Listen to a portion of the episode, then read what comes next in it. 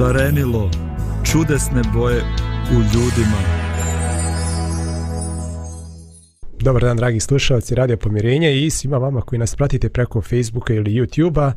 Evo nas a, danas u ovoga 20. februara u dvočlanom sastavu. Pozdrav Zdravko, kako je danas? Zdravo, pa dobro čovače, 20 i već dve, dva dijela ovaj, februara prevagnulo dok trepne šok.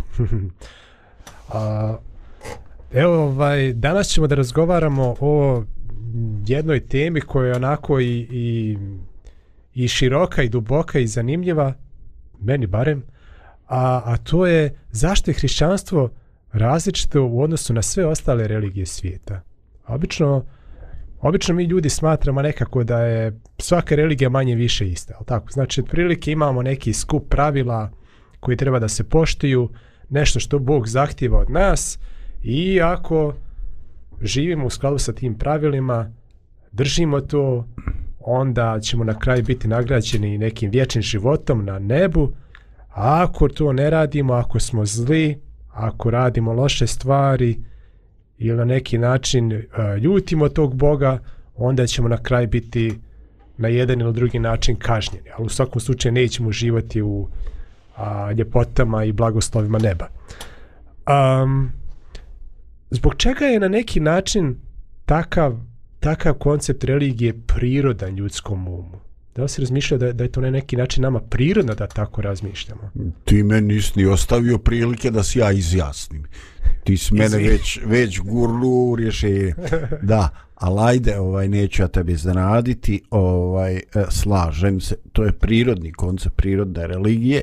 Dakle, ovaj, neko je šef glavni, onako generalni šef parade i on postavlja uslove, a mi te uslove ispunimo ili ne uspinimo i nema tu šta.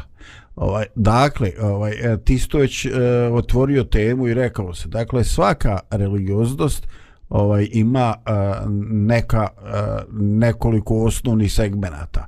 Uh, prvo je uh, neki kodeks ovaj ponašanja kakav čovjek je kakav je čovjek i najčešće pošto se radi u odnosu s Bogom to ide i izvan vanjskog ponašanja ovaj ide i u motivaciju znači ide to što radiš zašto radiš ovaj e, drugi dio e, te religije je ovaj znači neki moralni kodeks koji određuje e, ponašanje među ljudima ovaj i, i na neki način je tu da kontroliše ljudske strasti impulse. I ovaj e, treći način je e, e, formalno izražavanje religije dakle sistem E, bogosluženja obreda ili e, religioznog ponašanja ovaj e, nekoga pojedinca koji je dakle pozvan da ovaj da obavlja molitve da vrši druge vjerske dužnosti i onda je to ovaj često definisano kako će on to raditi, kad će raditi i ovaj to. I to je znači definitivno nešto što se ponavlja što se ponavlja i što je tu u svakoj religiji. Ovaj e, e sada ovaj ti si rekao da je sugerisao da je hrišćanstvo drugačije i jeste. Ali ovaj ne bi ja da preuzmem ovaj da guram ovu emisiju prije tebe. Ne znam kako si ti to ovaj zamislio ali vjeruj mi ovaj da sam baš razmišljao i nadam se da ću imati danas šta da, šta da kažem po toj po pitanju te razlike i specifičnosti hrišćanstva. Ovaj, prije nešto govorimo o tim različitostima, možda eto da kažem da smo mi na neki način uslovljeni da tako razmišljamo. I, um, jer ako, ako učimo u školi, ako radimo domaću zadaću, ako radimo ono što od nas učitelj, nastavnik ili kasnije profesor traži, bit ćemo nagrađeni za to. Ako smo poslušni našim roditeljima i ako radimo, ako ne znam, ja, spremimo sobu, a, radimo domaću zadaću na vrijeme i tako dalje, ako se fino ponašamo prema bratu i sestri, a na neki način zato ćemo biti nagrađeni. Ako to ništa od toga ne radimo ili radimo suprotne stvari, bit ćemo kažnjeni. Um, isto tako i onda poslije kada kada se zapustimo negdje, ali tako? Znači ima Mhm. neki skup unutrašnjih pravila u nekoj firmi, organizaciji, instituciji, gdje god radimo i ako se, ako se držimo tog sistema pravila, ako poštujemo, ne znam, naš nadređeni će da nas tapše po leđima, možda poslije nekog vremena dobijemo neko napređenje, a, dobro, to već kod nas malo teže, ovaj, a, ali u principu nije nemoguće da, na neki, da napredujemo, da radimo neke odgovornije poslove, bolje plaćene poslove i tako dalje. Znači, naš čitav život uče da koliko daš, koliko si poslušan i koliko se zalažeš, tako ćeš biti nagrađen. I konačno, hajde da se ne lažemo, to je tako na neki način i pravedno. Hajde, zamisli, hajde zamislimo da nije tako.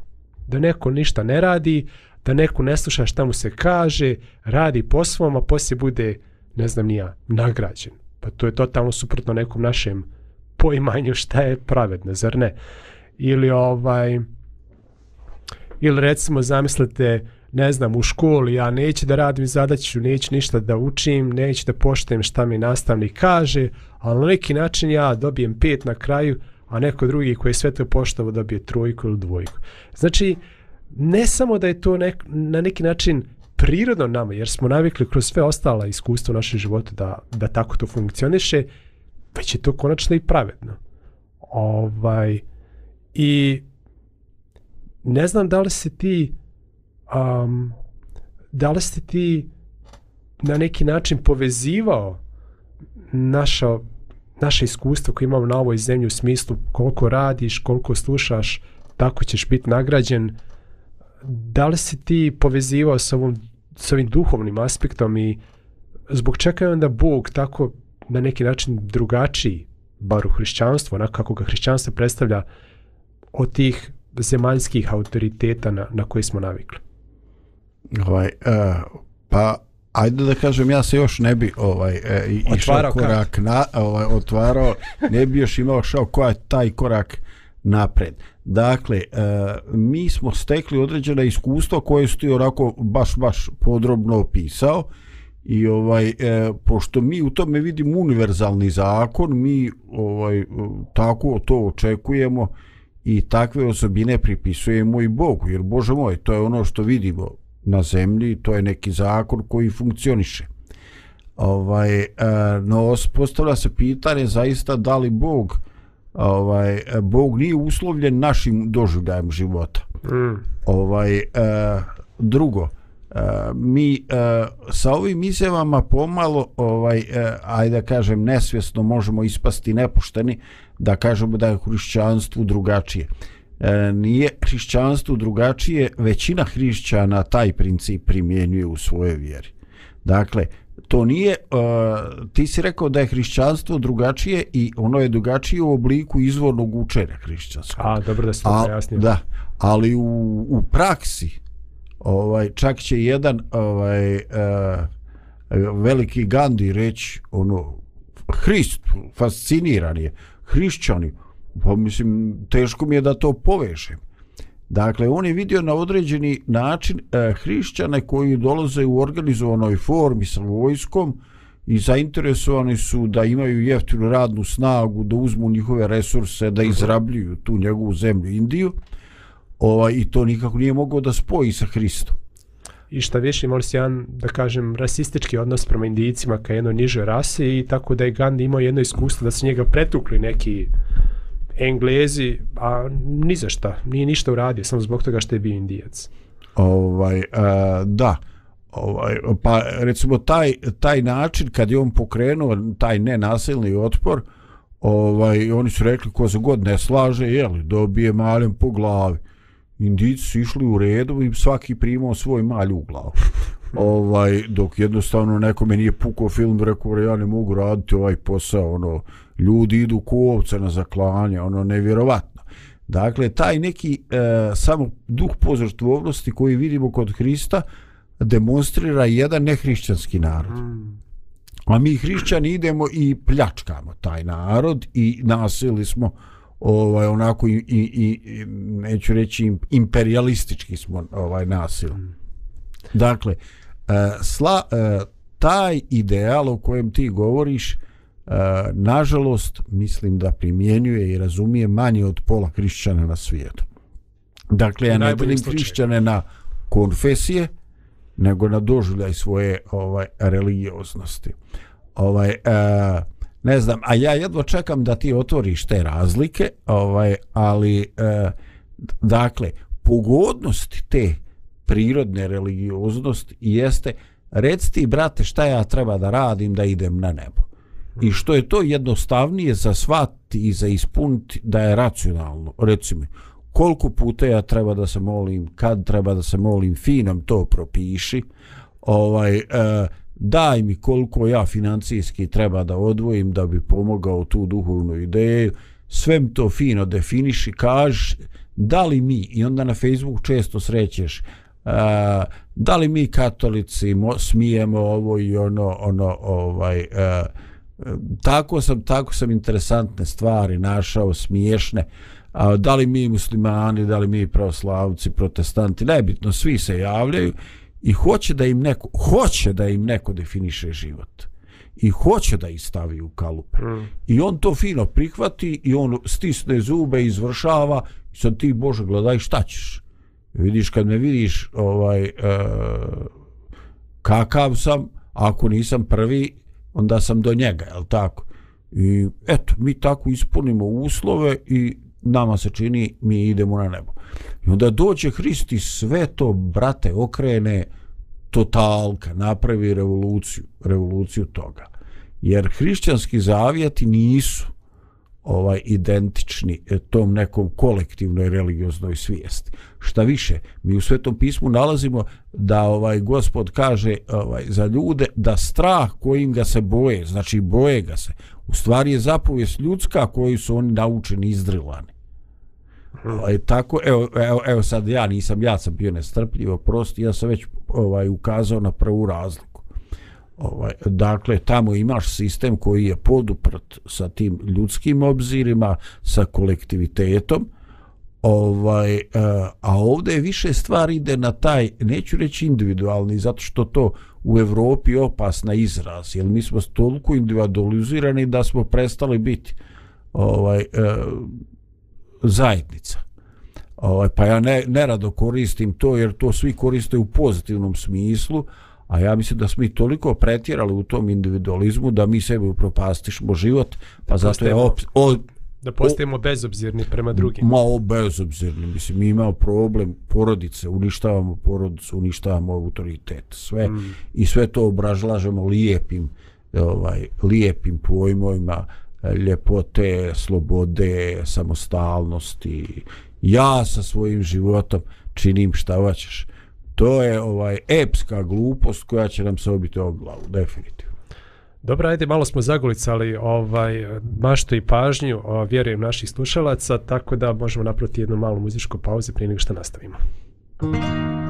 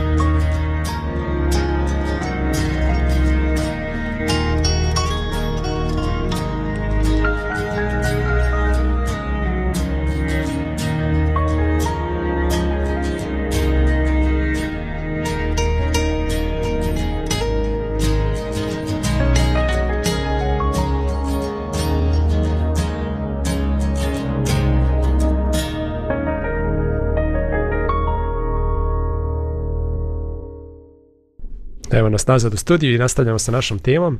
A, drago mi je te Zdravko što je spomenuo to, ovaj, to pojasnio šta je to hrišćanstvo, zato što ja u nekako razmišljam u svojoj glavi ono što možda većina ljudi tako ne doživljava. Za, um, naime, ovaj, um, da li je sad neko hrišćanin zato što se tako um, izjašnjava a, ili je neko hrišćanin zato što živi i vjeri na određen način. To je sad uh, za većinu nas je hrišćanin neko ko eto, se tako izjašnjava i eventualno praktikuje nešto a, što mu njegova vjerska organizacija propisuje.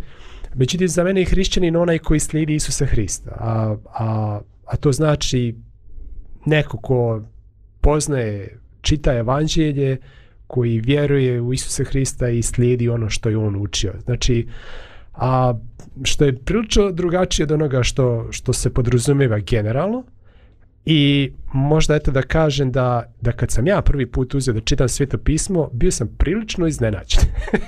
Zato što ja sam očekivao da sveto pismo uči ono što sam viđao u, među hrišćanima i među hrišćanskim i u hrišćanskim crkvama i očekivao sam da sveto pismo na neki način podupire to. Međutim, bio sam vrlo iznenađen kad sam vidio da, da ono što piše u svetom pismu mm, da ono što vidim u crkvama nigdje ne mogu da nađem u svetom pismu, a če, često nal, sam nalazio stvari koje su potpuno suprotne onome što sam viđao u praksi, sad već mogu da kažem pod navodnicima hrišćana, jer, jer na kraj sam shvatio da to možda i nije a ko sam ja da sudim koje je pravo hrišćanstvo, ali ono recimo biblijsko izvorno, odnosno biblijsko ili izvorno hrišćanstvo. Znači kad ja kažem hrišćanstvo, mislim na ono što nam je zaista ostavljeno u svetom pismu i ono što Isus Hristos naučava. E sad, uh, ono što sam želio da, da govorim, da kažem jeste da um, da u recimo prije, prije monoteističkih religija ljudi su i dalje bili religiozni i imali su mnogo bogova i ti bogovi su bili zaduženi za jednu, drugu, treću, petu stvar a imali su neki da, da, da tako kažem domen svoga djelovanja. Mm -hmm. Međutim, kad je u pitanju njihov karakter i ponašanje, a, ne bismo mogli da vidimo neku posebnu razliku u odnosu na nas ljude. Znači, oni jesu moćni, oni imaju ne, oni su možda, oni su jesu besmrtni, oni vladaju i mogu da rade stvari koje mi ljudi ne, ne možemo u tom smislu moći oni, oni su zaista izgledaju kao, kao nadprirodna oni su nama nadprirodna bića ili, ili, ili bogovi ali s druge strane kad je pitao njihov karakter mi ne možemo da vidimo neku posebnu razliku da se oni razlikuju od nas recimo a, ne znam imamo a, Zeusa i njegova žena mislim da se zvala Hera mm -hmm. i sad jedna od uobičajnih priča iz iz ovaj iz tih mitova stare Grčke jeste jednog dana Zeus je hoda i vidio jednu privlačnu djevojku, njemu se ona dopadne i bude on spava sa njom i ovaj i Hera to posle sazna i ona zbog ljubomore kazni tu djevojku koja nije ništa principu kriva, šta je onako, ili može da se odopre vrhovnom bogu Zeus, mislim. Ali, na neki način Zeus kao eto malo da popravi situaciju, on, on malo, malo, malo lakša tu muku što je Hera nametnula, Zeus malo lakša. I to nije jedna priča, već tako ima nekoliko priča. I sad, i ja ono, kao ne znam, ja, kad sam to čitao kao tineđin, pomislio sam, pa dobro, gdje ovdje, gdje ovdje pravda, gdje ovdje čistota, gdje je ovdje nekakav, nekakvi uzvišeni moralni obrazci ponašanja iz kojih ja mogu nešto da naučim. Znači imamo jednog kla, klasičnog, ne znam nija, preljubnika, da ne kažem goru riječ bludnika, koji tako šetka naokolo uh, spava sa ženama i onda njegova žena ne kažnjava njega, krivca, već kažnjava kažnjava tu ženu i da. onda on ko, kao popravlja to što malo, znači ne, ne skida tu, tu, tu kletvu ili taj, to što god je Hera dala, već on to kao malo olakšava, jel kao malo popravlja. Pa, i, I ja sam bio ono zgranut. Znaš, ja sam tu samo još fali da ode u špajz i da svojoj ovaj, pogaroj ženi, ovaj, koliko je baš toliko ljubomorna, da joj zavrne sve te egle što jače poklopac. Ono, eto, samo bi još to trebalo, toliko mi je to ubjedljivo kao neki božanski izvještaj. Et nek se pati da bez mene ne može otvoriti teglu sa ovaj sa ovim uh, skuvanim paprikama, ovaj ukiseljenim kako li već. Da, ovaj eto vidiš, nismo recimo sad kad sam ja ovo govorio, nisam bio, ovaj, kako te kažem, tolerantan i uvažavajući prema uvjerenjima drugih ljudi. Ovaj, nisam bio multikulti. A, me, me, I lako se danas smije tome kad, je, da. kad su svi ljudi u principu ostavili, napustili tu politističku religiju i mi se danas smijemo. Ali zašto sam to pomenuo? Ali da mi... ti pokazuješ frapantnu neosjetljivost prema ovim opšte prihvaćenim vrijednostima, da ne kažem kako se zovu. Da, ko si da. ti da sudiš vjerovanjima drugih? Da. Pa, Sram je bilo. Da. Ali hoću reći da u isto vrijeme kad se smijemo drugima, mi možda možemo da se smijemo sebe. Zašto? Zato što mi, kao što su ljudi projektovali sebe na ta a, mnogo božačka božanstva i svoj karakter pripisivali bogovima, zar ne radimo mi danas isto kad, kad kažemo e, Bog je propisao ta i ta pravila i ako ih poštoješ, bit ćeš spasen, ako ih ne, pošte, ako ih ne poštuješ, bit ćeš izgubljen, umrijećeš ili ćeš još gore završiti u nekom vječnom paklu.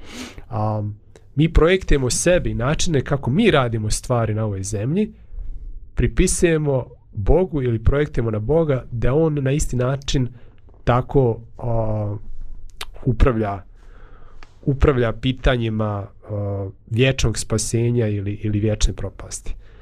A može primjer, evo može. na primjer ja sam ostao frapiran, ovaj e, primijetio sam ovaj da Isus stalno u nekom borbenom gardu s farisejima koji nešto religiozni zapinju, propisuju, definišu ovaj kao ne možeš ti biti previše pošten da još da stisnemo da još pravila još detalja I ovaj, i onda, ovaj, um, ja više nisam ni siguran ovaj, kad sam to čiko, čitao koliko je to bio autoritativan izvor, ali znam da su ovaj jevreji nešto što je bilo neprekos, nešto što je oni doživljavali kao neprekosnovena uh, jeli, uh, subotni odmor, uh, onda su oni definisali subotni dan hoda i mislim da je tu bilo, možda ćeš me ispraviti, rado ću to čuti, subotni, da je tu bilo nekih 300 koraka.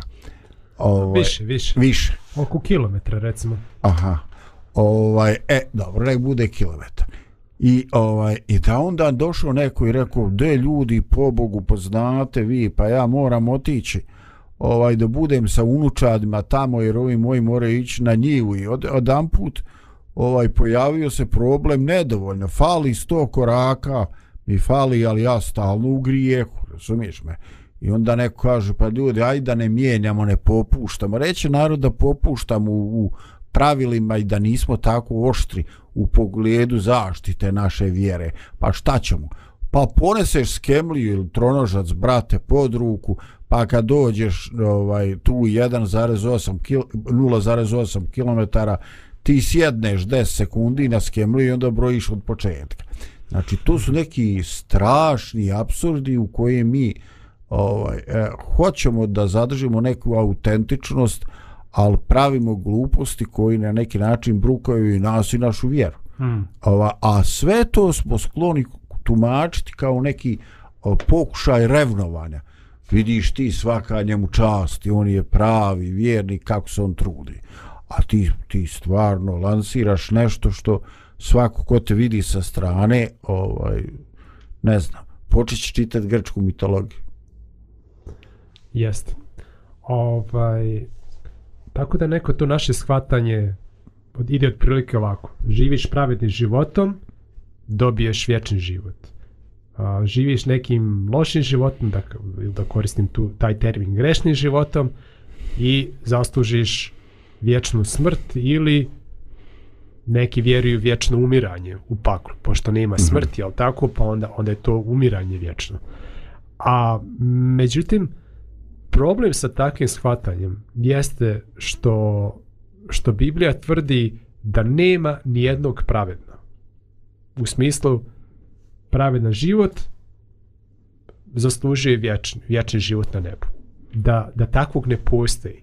I sad dolazimo i to potpuno baca u vodu sad taj naš koncept koji mi imamo, aha, trudiš se, živiš dobrim životom, pravedan si, činiš neka dobra dijela, i Bog kaže, bravo, uđi u moje carstvo, bio si stvarno se trudi, bio si dobar čovjek. A da, da takav koncept ne prolazi i da, i ne znam još, i to nije novo, to je i, i starozavitni i novozavetni koncept. Znači još tamo Solomon prilikom posvećenja hrama, on kaže kad ti sluga, kad ti sluga tvoj pogriješi, e, pa ti se pomoli sa ovog mjesta jer nema nikoga koji ne griješi, znači Solomon je bio svjestan toga, i kasnije apostol Pavle a, piše a, citira u stvari psalmistu, znači i to i psalmima stoji da nema, nema nijednoga pravednoga, nema nijednoga koji, koji cijela cijela, koji, koji, koji dobro čini, nego su svi zašli, svi su zgriješili a, i tako dalje.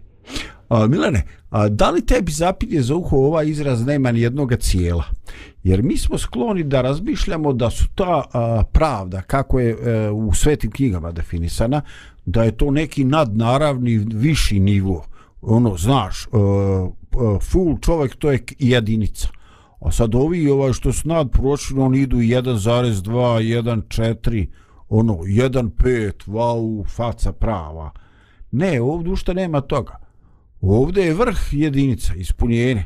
Mm. Kaže, nema ni jednog cijelog, nema cijelog broja, halo, nema nikog zaokruženog. Ovaj, dakle, e, ja sve vrijeme čekam ka, kad ću ostati trenutak ovaj, za to i upravo hoću reći. Ovaj, e, imao sam priliku da doživim e, kako se ljudi e, zgrožavaju i čak plaše jedne izjave, ovaj, a izjava je... E, hrišćanstvo je donekle religija absurda. Dakle, mm. hrišćanstvo postavlja standard koji je nama ovakvima kakvi smo neispunjiv. I ovaj unaprijed se zna da nećeš i čak će Pavle reći halo čoveče, može li ris promijeniti e, svoje šare, može li ti svoju kosu, kožu. Znači, a, krajnji izvor tvojih napora biće ti niš uspjeti. I Biblija te po, poziva u status učenika. Ovaj, e, poziva te u projekat za koji je svima jasno da neće uspjeti. A u kako da, kako te spašava? Ovaj, meni je dugo godina trebalo ovaj, i ja imam običaj i kod kuće kad pričam ovaj, eh, sa Sanjom i tako, imam običaj da kažem Bože, je to stvarno sudbina svih ljudi da neke jednostavne stvari svataju tek u poznim godinama ili je to samo kod mene zašto sam najgori od sve djece, znaš. Ovaj, dakle, ti jednostavno shvatiš da je upravo taj absurd smisao. Ti se pretvoriš u učenika. Ti si hrišćanin onda kad si učenik, kad slijediš, kad e, ne samo da imaš cilj da ispuniš neka pravila koja su definitivno ostala, nego jednostavno kad želiš da Bog upravlja tvojim životom, duhom svetim, da bude njegova, a ne tvoja volja.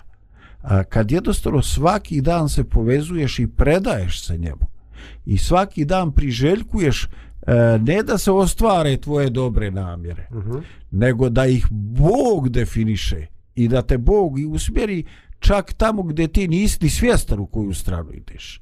Jer ti vjeruješ da će najbolje za tebe biti onako kako je on smislio. Čak sa određenom uh, sa određenom rezervom razmišljaš o svojim najboljim, najplemenitim željama, znajući da to Bož ne mora znači da će to izaći na dobro. To liči na dobro, ali znaj ti na što će to izaći. Mm. Dakle, uh, to odricanje od sobstvenog ja, svijest o tome da mi možemo ispuniti samo vanjsku formu. Ono što je rečeno farisajima, vi čistite čašu s polja, vi ste ko okračani grobovi. Šta je sa unutrašnjosti? Kad ti znaš da ti to nećeš ispuniti i kad ti tražiš da se volja Božja ostvari u tvome životu, ti praktično taj naš, taj svoj ego uh, guraš uh, u drugi plan i ovaj e, onda se dešava nešto ovaj fantastično kad Pavle kaže a ja više ne živim ne, nego živi u meni Hristos. Ovaj ako ćeš sad da mi pitaš jesi ti to dostigo ja reću ti odmah da se ne trudiš nisam. Ovaj ja to povremeno dostižem i gubim. Kad osi, kad dostignem to je punina vrh najljepši dio i najbolji smisao mog života. Mm. Kad izgubim onda uh, možda je to jedina razlika između čovjeka koji je nešto naučio ili nije uh, čovjek koji je naučio i iskusio okus, okusio makar na trend taj dar duha Božjega on veoma brzo osjeti kad je izašao iz toga kruga blagodati Božje zašte. Kad je ponovo ja znaš ono moj ego ja povrijeđen nisu mi ukazali čast E, nije se lijepo neko ponio od mene e, durim se jer mi je neko rekao ovo i ono. Gomila stvari koja utiče čak i fiziološki na naše fizičko zdravlje mm. a da ne govorimo na naše spasenje. Dakle e, hrišćanstvo je teologija apsurda ali hrišćanstvo je e, religija u kojoj e, mi se ne e, u kojoj mi ne dostižemo nivo tako što smo nešto uradili nego dostižemo ovaj nivo ovaj e, provodeći vrijeme u kontaktu u odnosu ovaj e, sa gospodom. I neko je predivno rekao a, hrišćanstvo je e, teologija susreta. Znači čovjek i bog na istom mjestu hmm. u čemu ovaj čovjek prima a, raduje se blagoslovima ali ih ne kontroliše Ajde se ti mislima napravit ćemo jednu malu pauzu.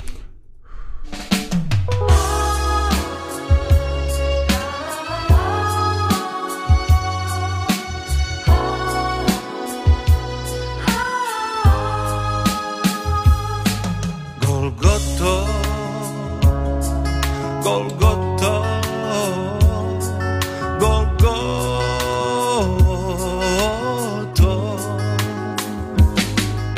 Pod krzyżem Twoim sam sam, daleko od świata i zla, tu blażysz mi ból i odklaniasz trak. ogleda suzama Nisu pribili te čavli Nego moj gre. Nisu ranili te ljudi Nego moj gre. Nije probilo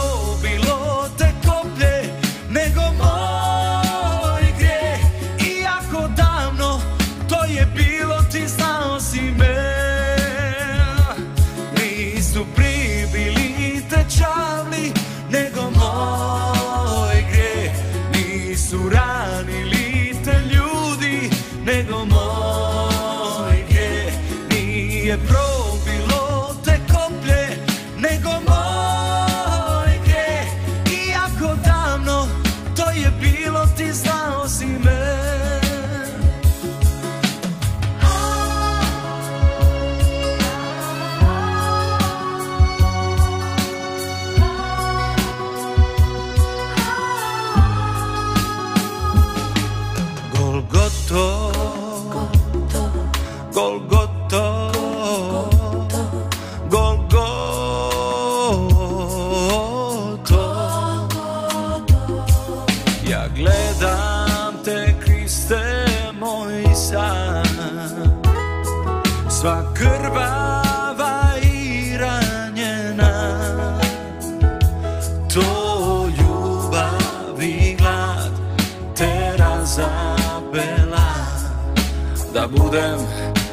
tebe sloboda.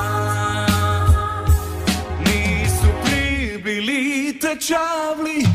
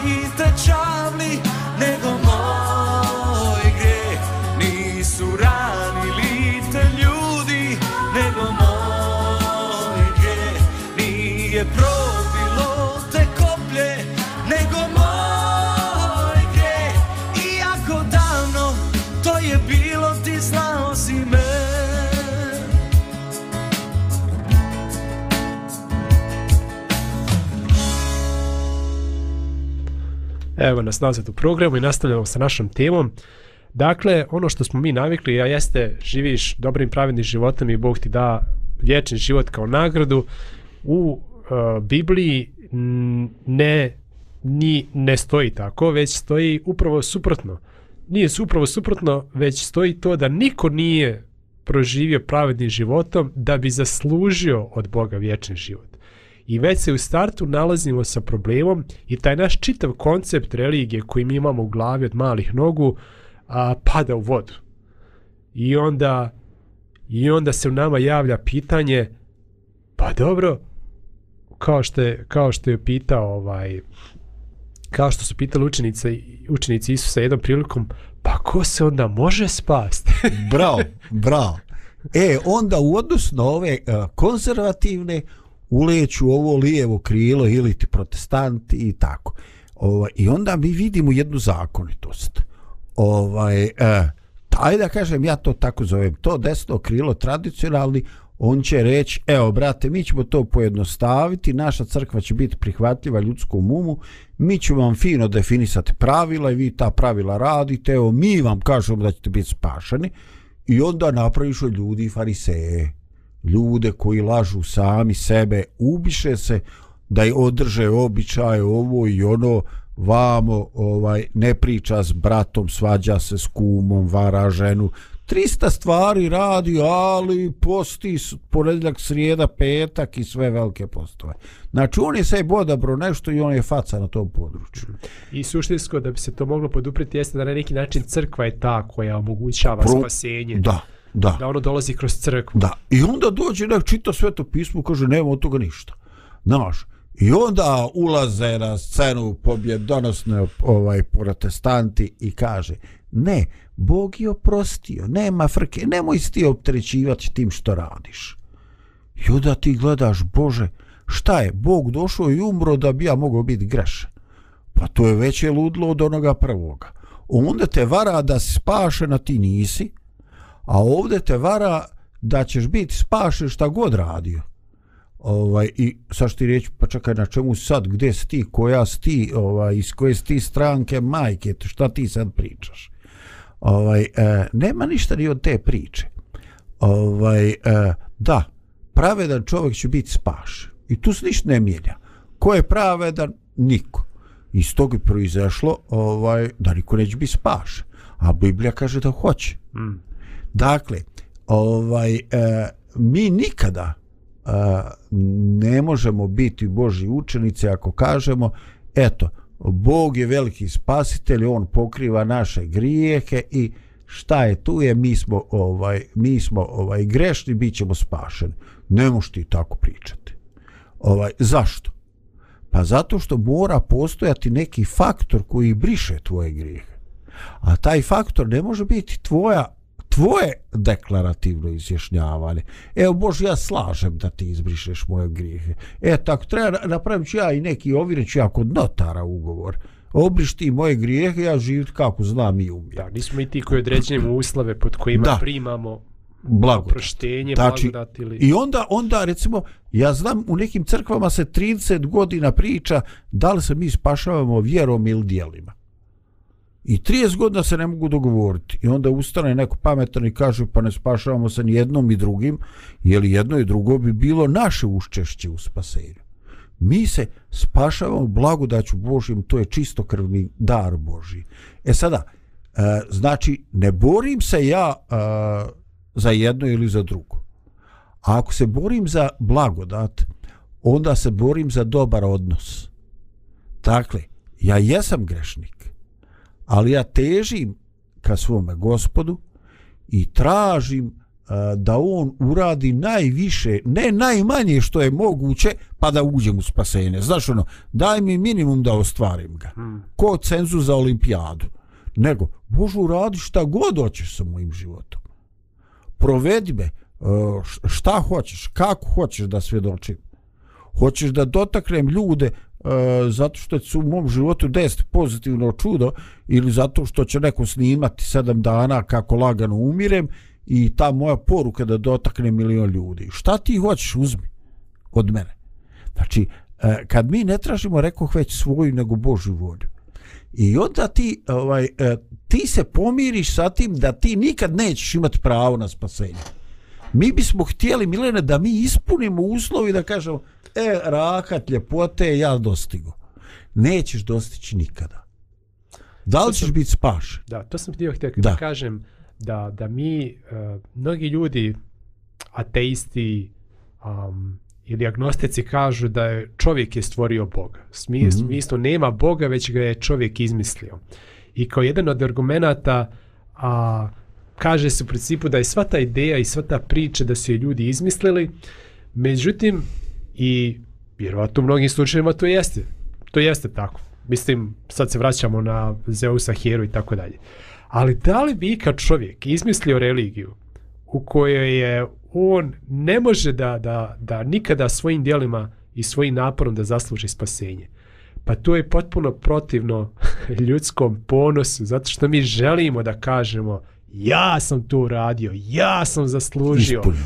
ja sam svojim zalaganjem i trudom zaslužio da meni Bog kaže svaka ti čast. Evo, uđi, Baja, ono, Uđi. sjedi, Sjedi na stolicu koja te odgovara. sjedi ja ću te slušati jer si ti stvarno ono top. Znači to je, to je prirodno naše naše ljudskoj prirodi, da mi nešto zaslužimo, da nas pohvale za naš trud. A ovdje imamo religiju koje ti nikada svojim trudom i zalaganjem ne možeš da zaslužiš spasenje. I onda se, i da ti ne možeš, i da, i da su ti standardi moralnog e, života tako visoki da ti nikada ne možeš da ih ispuniš. Pa koji bi čovjek tako nešto izmislio? To je potpuno a, čovjeku teško i da shvati, a kamoli da izmisli tako nešto. Neprirodno. Neprirodno. To je čoveče neprirodno. I sad ja pokušavam da slijedim misli, recimo pretpostavljam misli slušalca. I čekaj, kaže, pa, pa šta sad, šta sad hoće reći, šta ovaj ćelav, u stvari oba su ćelava, a ovaj stari, ovaj džed, šta on to nam uvlači u ovaj, u u glavu? O, vidi, znači, ti ćeš biti spašen zato što te Bog voli. I odmah se nama će pitati, a šta ja trebam raditi da, te Bog, da me Bog voli? I onda dolazi Božja riječ i kaže, alo, sirovino, tvrdoglava, pa radosna vijest da te Bog voli. Pa čeka pod kojim uslovima? Ni pod kojim uslovima. Volite takvog kakav jesi. Tvrdoglav, prgav, stoka, Eh, pun strasti, nekontrolisanih impulsa, eh, ega, svadljiv i sad nabraješ šta hoćeš. Takvog te voli. Al, ali, šta dalje? Pa ništa dalje. Voli i ti njega, idi za njim, traži njegovu volju. Jer suštinski, mi kad se predamo Bogu, mi smo, ovaj, postajemo zadovoljni svakim trenutkom koji provedemo sa njim. I mi se ne bavimo da li će to trajati idućih 30, 40, 50 ili 5 godina, koliko ćemo živjeti, mm. nego mi želimo da svaki trenutak koji je moguć provedemo s našim Bogom. I ne bavimo se čak ni našim spasenjem. Zanima nas samo da mi nečim ne pokvarimo taj odnos. Desi se nešto, pa naravno, kad se desi, hvalim te Bože, jer da se nije zdeslo, ja bi umišljio kako sam ja faca. Znači, kad se desi, i to ti je milost Božja. I ti odeš, Bože, pa je li ovo moj problem?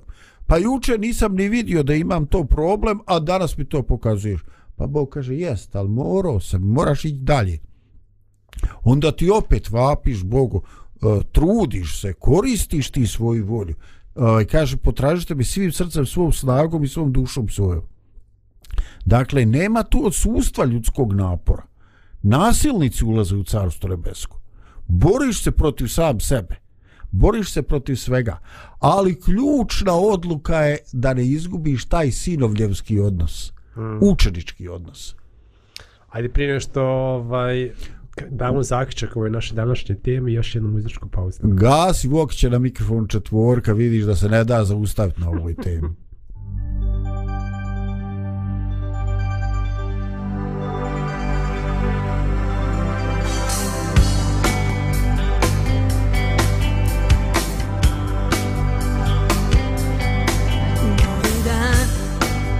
I Za nas mir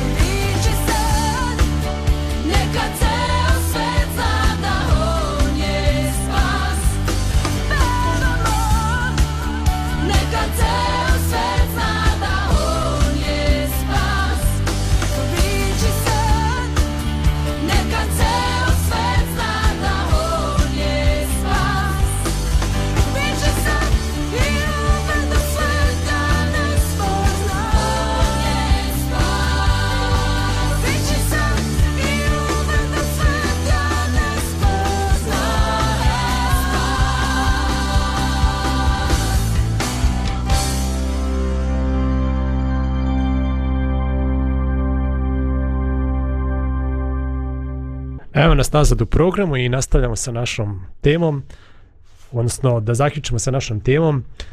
Um, možda moja početna misao po, kome, po kojoj ideja da pravedna život donosi vječnost na nebu, a nepravedan život uh, vječnu propast i nije tako pogrešna kao što sam ja možda na početku uh, dao da se nasluti, već je razlika u tome da, da svi mi spadamo u ovu grupu koja svojim životom nije zaslužila vječni život, već zaslužila propast, a samo je jedan bio koji je zaista proživio savršeno pravedan život i za koga se može reći da je zaslužio da živi vječno nebo, a to je Gospod Isus Hristos.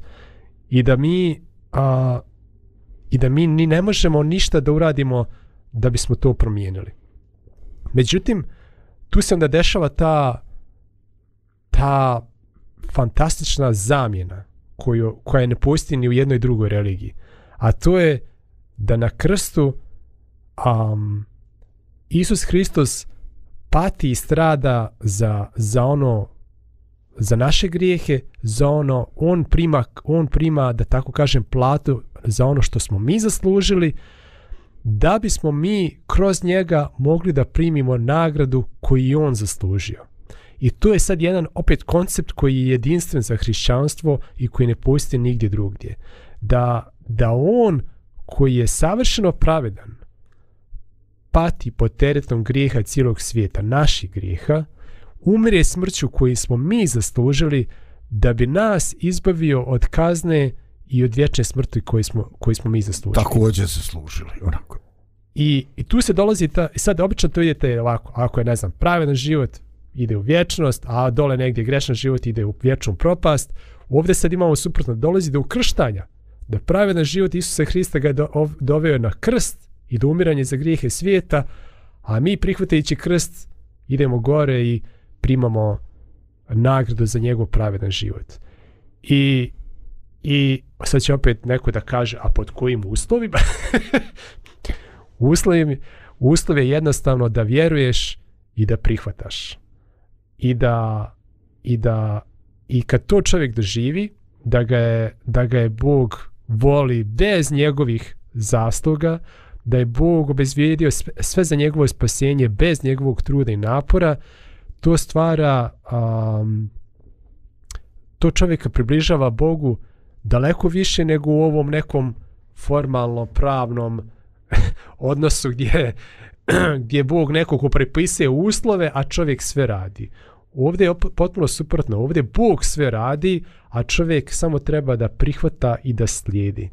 I da, i da i dok u ovom prvom odnosu čovjek nekako sve radi sam, a onda dođe pred Boga kaže, a vidi Bože što sam ja uspio da uradim, ovdje, uh, ovdje u pravom hrišćanstvu čovjek ništa ne može sam.